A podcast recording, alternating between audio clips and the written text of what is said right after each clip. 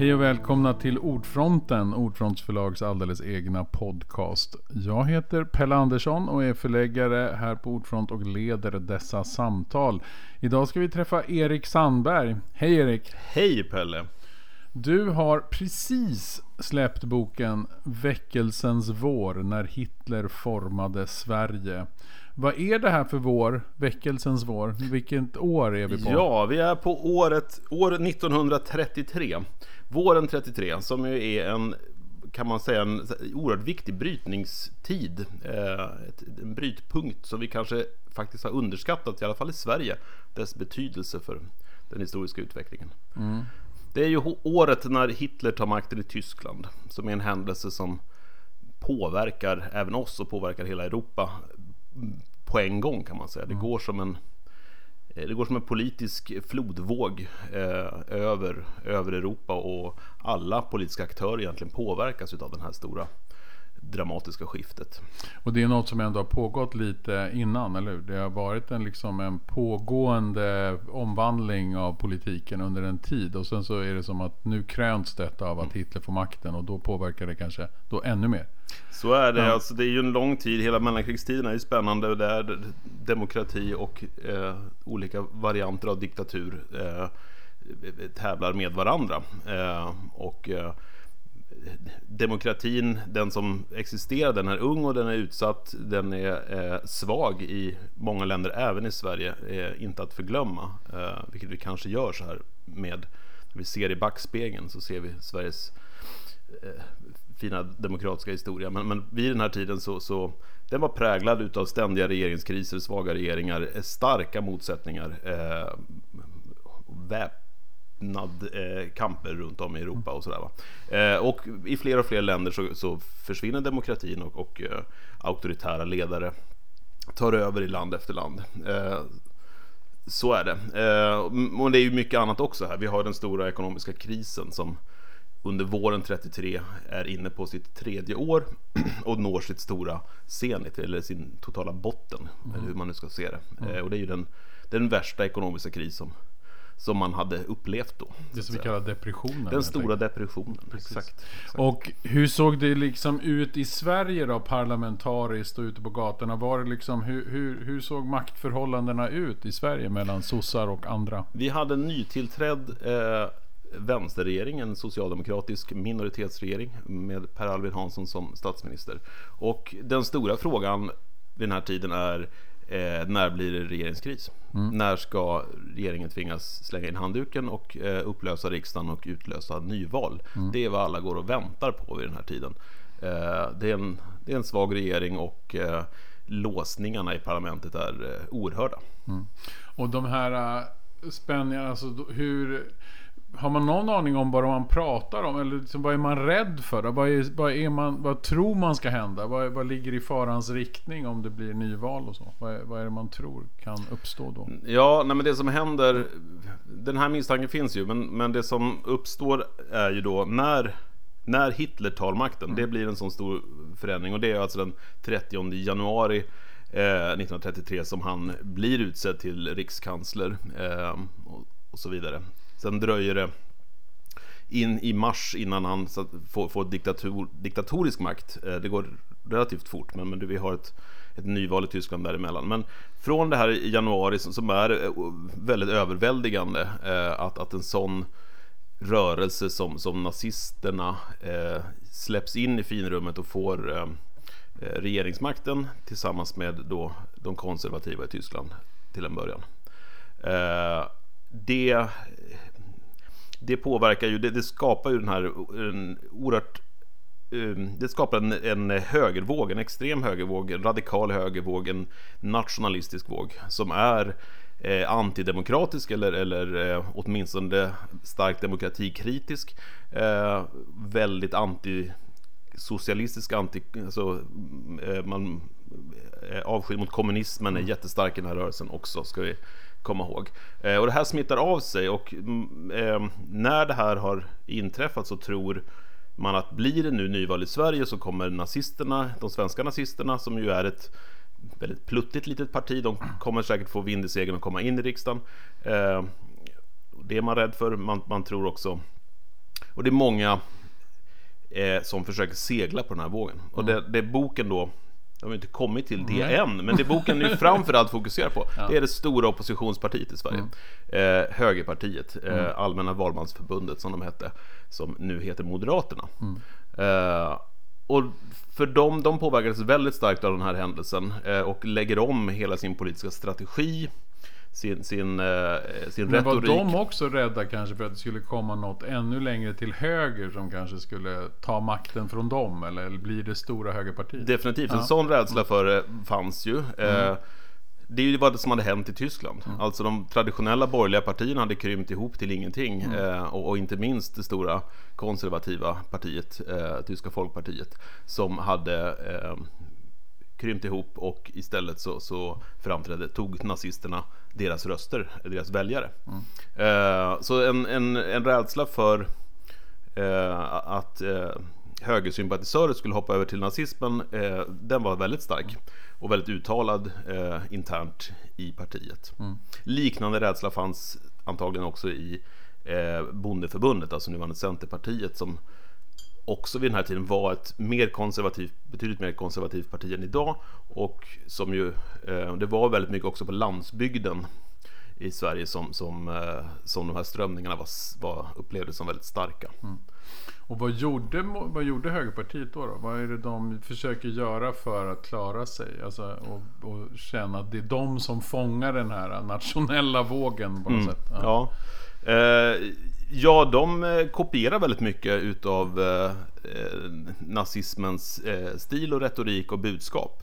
Så man går väldigt hårt in för den här eh, anti, antikommunistiska linjen. Den har naturligtvis funnits tidigare, men nu blir det i stort sett en enfråga här nu att förbjuda eh, kommunistpartierna i Sverige, upplö, eh, upplösa dem.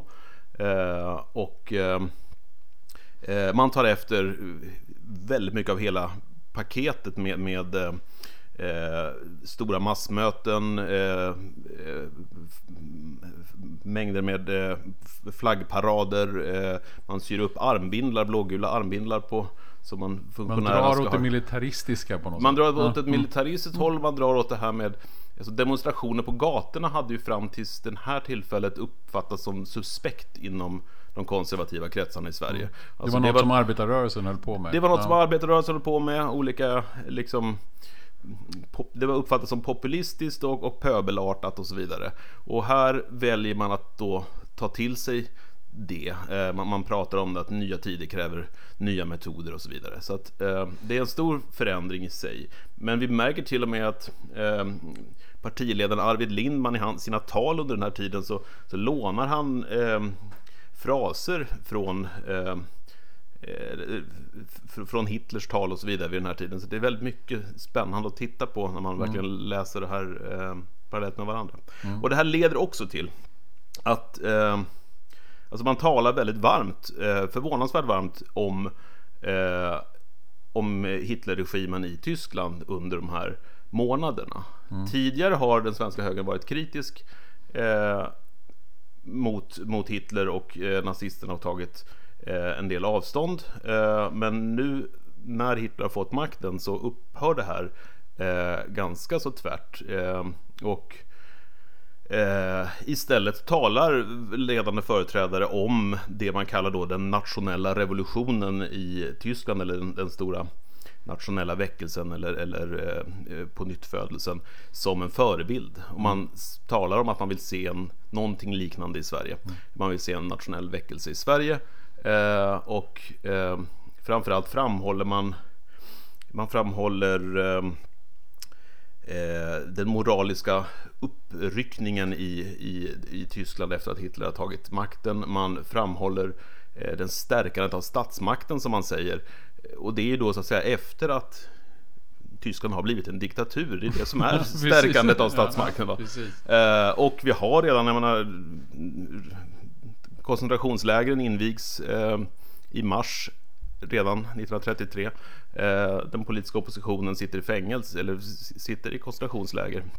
Eh, Och judarna har ju varit ändå också förföljda länge i Tyskland. Eller ja, Ja, vi, har, vi, Ja, får en, vi får en judeförföljelse framförallt från början av april eh, och i, i Tyskland. Och svenska tidningar rapporterar ganska eh, ordentligt om det här. Fortfarande har man en god inblick och man har ett stort intresse så att svenska tidningar fylls av berättelser om, om eh, förföljelser och misshandel och eh, desperata judar som tar sina egna liv. Eh, och så det blir en väldigt märklig dissonans här att mm. samtidigt som det här pågår och diskuteras så intar högern den här hållningen eh, ganska ensidigt där man aktar sig för att kritisera nazismen utan istället framhåller den, eller så att säga, det nya Tyskland som, som en moralisk eh, förebild. Eh, och man ger sig på, tar det här ensidiga angreppet vänsterut eh, och vill eh, upplösa kommunistpartierna i Sverige. Så, så och hur det, lyckades man liksom fånga? Alltså det, var, det känns ju också som att just den här tiden att man fick så mycket folk att gå ut på gatorna. Hur, hur gick det här liksom till? Hur, hur lyckades högern ändå mobilisera så här stora grupper? Och, och vad är det man gör då? då? Hur, vad, är det man, vad är det för känslor man spelar på när man mm. står där ute på torgen? Är det också, är det, påminner det om Hitler, även talen? Eller hur, hur skulle du se att de här högerledarna talar? Ja, men det finns, det finns många likheter mm i, i retoriken och, hur, och ehm, eh, hur man formulerar sig. Eh, det är starka ord om, om kamp och strid och om att eh, eh, utrota det kommunistiska ogräset och så vidare. Eh, det är ett nytt sätt att tala för, för den svenska högern i hög utsträckning. Ehm, eh, och och det är mycket av en, man använder själv uttrycket väckelserörelse, man, men det blir väldigt mycket den här eh, en, en, en väldigt eh, suggestiv stämning eh, som man jagar upp. Och det är högst medvetet, man skriver detta i sina egna liksom, instruktioner. Eh, man bildar ju också kamporganisationer. Eh, mm. En, eh, först en, en, eh, en grupp som man kallar konservativ ungdom och sen så en, en grupp som man kallar högerfront. som, som, som ska vara där, man, där man ska liksom få politiska aktivister som, som, som helhjärtat och, och eh, offervilligt ger sig in i den politiska kampen som man, man talar. Så att, eh, man är det, inte rädd heller för just att vara militant helt enkelt. Alltså, man tänker sig att det skulle kunna bli sådana konfrontationer? Eller? Svårt att ja. säga. Man är definitivt militant i sitt språkbruk. Mm. Jag skulle väl akta mig för att säga det. Inte, det finns inga tecken egentligen att man där planerar för några, några, liksom, eh, några väpnade strider eller så. Mm. Samtidigt så vet vi att det här är en tid där det politiska våldet inte ligger så långt borta mm. och vi har haft, eh, hade avslöjandet ett par år innan om den här eh, så kallade Munkska kåren som var en, en, en hemlig milis i Stockholm med, med eh, eh förankringar både till nazisterna och fascisterna i Sverige men också till etablerade borgerliga kretsar. Eh, så, och där högerledaren Arvid Lindman tog, tog den här rörelsen i sitt försvar och sådär. Så det fanns ju sådana kopplingar. Hur nära stod militären de här rörelserna också? Kunde man ana? Ja, det vi kan säga generellt är ju att eh, militären är ju en om vi ska tala om dem som ett begrepp, den svenska officerskåren och så, står ju högern oerhört nära. Eh, högerpartiet vid den här tiden är i mycket högre utsträckning än idag än en, eh, ett parti som företrädde eliten i landet eh, och eh, där, så att säga, där officerskåren var en väsentlig del utav det. Som väldigt många utav riksdagsledamöterna för högern har, är, är högofficerare till exempel. Partiledaren Lindman är själv amiral. Den, den stora högerns starke man i Stockholm som är en viktig person i det här sammanhanget, Joakim Åkerman. Eh, han, och han, är, han är general. Så att mm. många utav de här högerföreträdarna är ju eh, höga militärer. Mm. Ingår i försvarsstaben och så. Så, eh, så, så är det. Mm.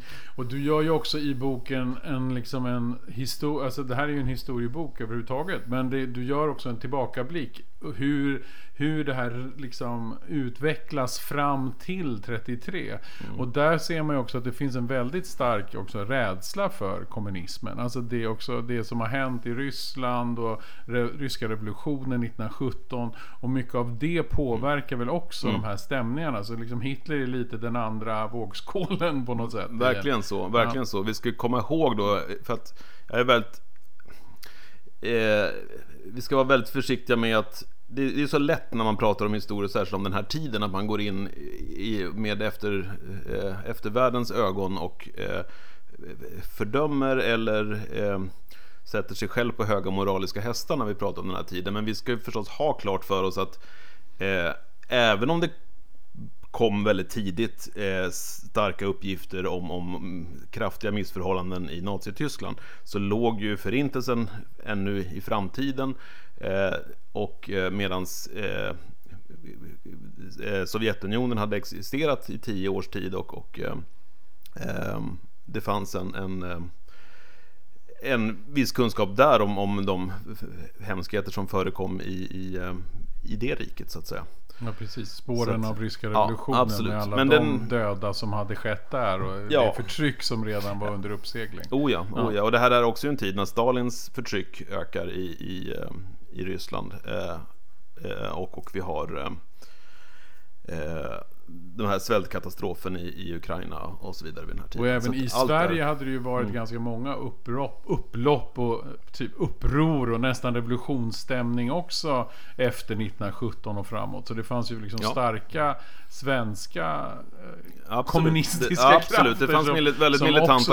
Det fanns oerhört militanta krafter i Sverige på, på vänsterkanten. Eh, och, och de här hade ju, både på högerkant och vänsterkant fanns det sådana här grupperingar i Sverige och, och som, som liksom hetsade varann kan man ju säga. Eh, och, och, och eh, eh kommunistpartiet i Sverige var ju, lydde ju under Komintern, alltså var ju starkt Moskvatroget. Eh, partiet hade ju splittrats här men, men, men, eh, men den ena halvan var ju trogen Stalin och, och tog order direkt därifrån. Så att det fanns det fanns goda skäl att vara rädd så att säga om man tillhörde högern naturligtvis. Mm. Eh, och, och även kanske socialdemokratin var rädd. Absolut, ja. Socialdemokraterna var rädda och de var, de var nog mindre rädda för alltså, Ja, de var rädda åt bägge hållen. Mm. Eh, de, var, de störde sig väldigt mycket på De hade nog en insikt om att kommuniströrelsen i Sverige inte var särskilt stark. Mm. Eh, och för de hade tentaklerna så pass ute liksom i, i mm. eh, i, i de kretsar. De hade eh, själva man, också säkert organiserat ja. arbetarna. På, ja, och de organiserade själva ett, ett starkt motstånd ute på mm. arbetsplatser och så vidare mot kommunisterna. Men de var ju väldigt rädda för att kommunisterna genom sin retorik och sina, de, sina våldsdåd på eh, arbetsmarknaden inte minst. När det var strejk så fanns det eh, Röd Front-aktivister som kastade sten och försökte hetsa upp eh, folkmassorna mot, mot polisen och annat. Va? Eh, och allt det här gav ju näring till fascism, nazism och, och den här radikaliseringen utav mm. den svenska högern. Så man var väldigt rädd för det. Mm. Eh, och det är faktiskt så att eh, den svenska socialdemokratin är de diskuterar på allvar riskerna för att det blir någon sorts eh, högermakt, alltså ett, ett, ett eh, auktoritärt högermaktövertagande också i Sverige. Mm. Eh, och vad gör vi då? Och vad kan vi lära oss av de tyska socialdemokraternas misslyckande? För nu det här är ju en tid när de partikamraterna i Tyskland sitter i koncentrationsläger eller har tvingats i landsflykt. Mm. Eh, vad ska vi göra annorlunda och så vidare. Och den rädslan var väl ändå, kan man, alltså den var också i allra högsta grad påtaglig. Högst det påtaglig och högst befogad. Hade, ja precis, hade hade det gått den vägen där att det hade blivit nyval och alltså, då hade det också kunnat gå väldigt, väldigt fel i Sverige. Alltså Sverige stod och vägde mellan ja. demokrati och diktatur. Ja, jag tror att det gjorde det i alla fall i mycket högre för utsträckning än vad vi i efterhand föreställer oss. Mm. Det är så lätt att eh, sitta med, med, historiens facit och säga att det var självklart att Sverige skulle bli en trygg och fin stabil demokrati. Och det var självklart att Tyskland eh, med allt det landet hade upplevt skulle bli en diktatur. Mm. Men då när det skedde var det inte alls så självklart. Mm. Alltså de här, det här stod och vägde i Sverige, liksom i Tyskland, liksom i flera andra länder. Mm. Eh, och, och eh, vi ska komma ihåg att de allra flesta länder i Europa eh, så överlevde inte demokratin 1930-talet.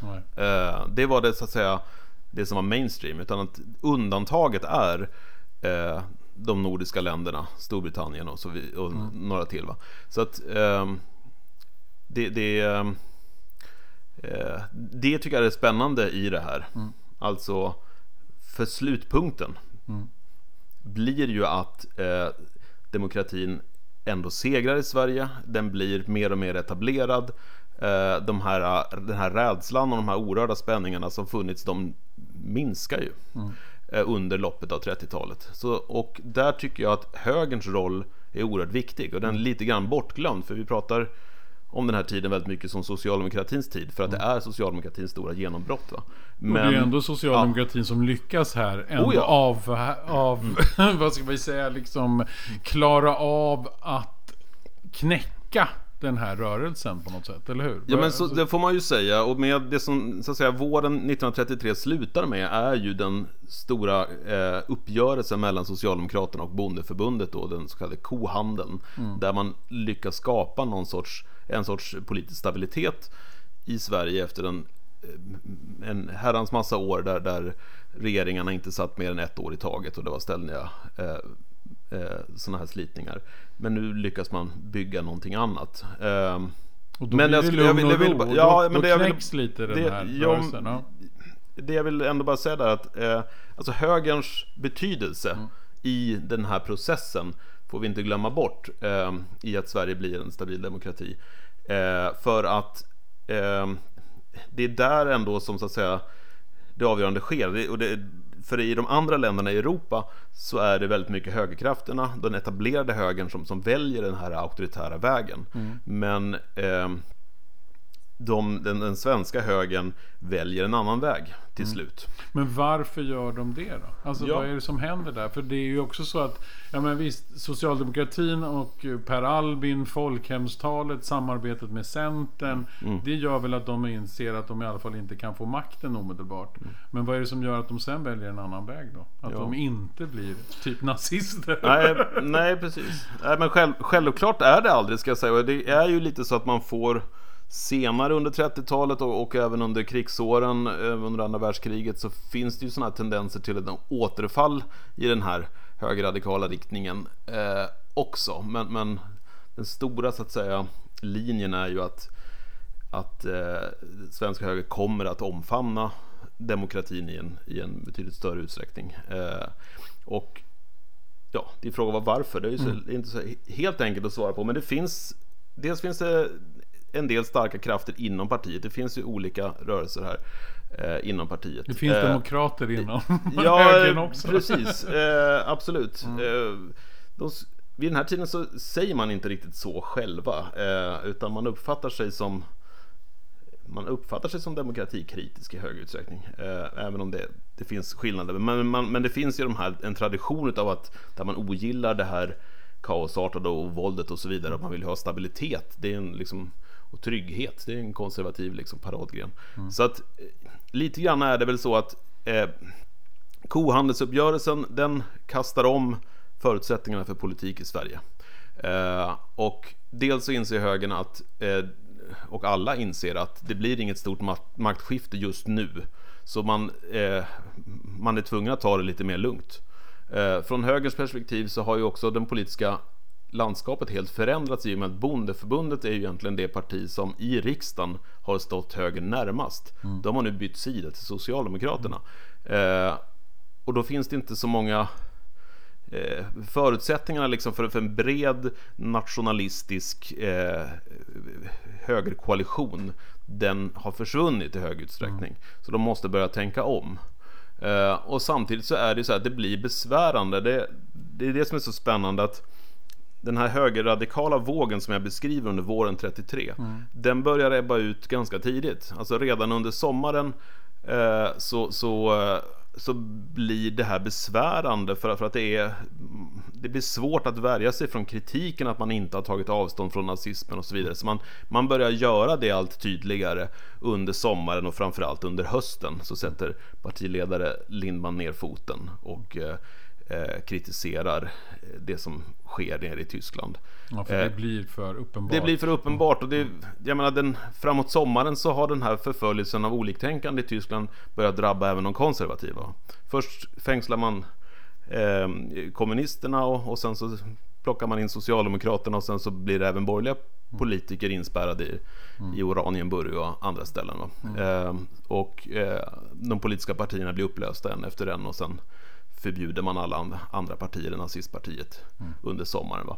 Så eh, det blir svårare att värja sig från det.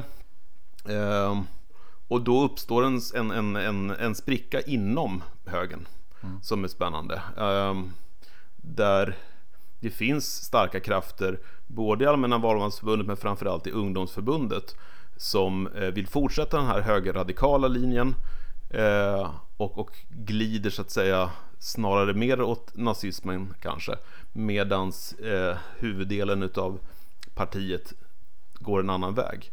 Och det här blir ju sen det här leder ju sen till att partiet sprängs under, under nästkommande år, under 1934, när ungdomsförbundet bryter sig loss, bildar ett eget politiskt parti, Sveriges nationella förbund. Eh, och då blir det då blir det nästan som att det tvingar här tvingas högern att ta avstånd från Sveriges nationella förbund och markera den gränsen. Mm. Och då blir det ganska naturligt att man dras åt ett mer liberalt, mer moderat håll mm. så att säga. Och det är där de moderna moderaterna kanske ja. föds lite. Mm. Det kan man säga och där föds också den moderna svenska demokratin vill jag påstå. Mm. Eh, där vi har en, en, en anständig höger eh, och, och eh, och vi ser igen, det ska jag också tillägga, det ser vi också på vänsterkanten, alltså kommunisterna gräver också ner stridsyxan mm. vid den här tiden. De är också oerhört skärrade av vad som pågått i Tyskland och eh, att inser, tror jag, att den här eh, den här hårda kampretoriken som man har ägnat sig mm. åt den gav ju ingenting i Tyskland. Den ledde ju bara till att partiet blev upplöst och dess företrädare inspärrade eller mm. Och torterade. Va? Mm. Så att eh, man, man, eh, man börjar tänka om och man väljer en mindre konfrontativ linje även på den kanten. Mm. Så alla går så att säga mot mera av förnuft, kompromissvilja mm. eh, och, och, och, och, en mer demokratisk anda i det långa loppet. här va? Mm. Eh, och jag tror inte heller vi ska underskatta här det svenska exemplets betydelse för hela Europa. Om jag går tillbaka till det jag säger här, mm. eller sa, sa tidigare här om, om att eh, den stora rörelsen vid den här tiden är ju att demokratin faller i land efter land. Vi har ett fåtal länder där demokratin finns kvar. Eh, och det här får faktiskt betydelse. Sverige får ju tidigt ett betydelse som ett modelland här, ett demokratiskt mm. modelland. Eh, man börjar prata om Sweden the middle way borta i USA mm. till exempel. Eh, för, för den här eh, demokratiska andan som man tycks se helt plötsligt i det här mm. landet där vi mm. nyss hade oerhörda konfrontationer och mm. skottlossningar vid strejker och annat. Va? Mm. Eh, men här föds någonstans bilden av det här Sverige som kompromissvänliga landet. Eh, och sen, om vi tänker liksom efter andra världskrigets slut, mm. så har det här en, får det här en stor betydelse för, för andra länder i, i, i Europa, i Västeuropa då, när demokratin återföds. Mm. Och inte minst för uppkomsten utav en, en demokratisk höger just. Eh, Kristdemokraterna i Tyskland och Italien och så vidare. Eh, där, där, eh, där de här borgerliga högerkrafterna som, som under 30-talet i så många länder gick i auktoritär riktning på något vis återföds och, och kommer att välja en mera en mittenposition. Liksom. Mm, för du drar ju sen också, du skriver ju fram ända fram till idag. Och, och, som avslutning på vårt lilla samtal skulle man kunna säga att du hittar massa Är det så att du vill hitta, vad ska man säga, goda exempel? Eller vad är det du tänker att vi kan lära av den här tiden? Eller varför vill du också skriva Nej, men, historien ända fram till nu? Ja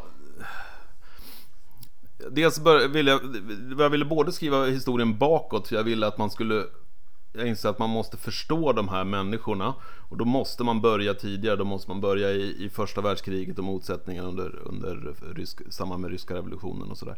Eh, annars blir det ju, tittar vi bara på den här korta tiden då, då förstår vi den inte. Vi måste sätta den i ett större sammanhang.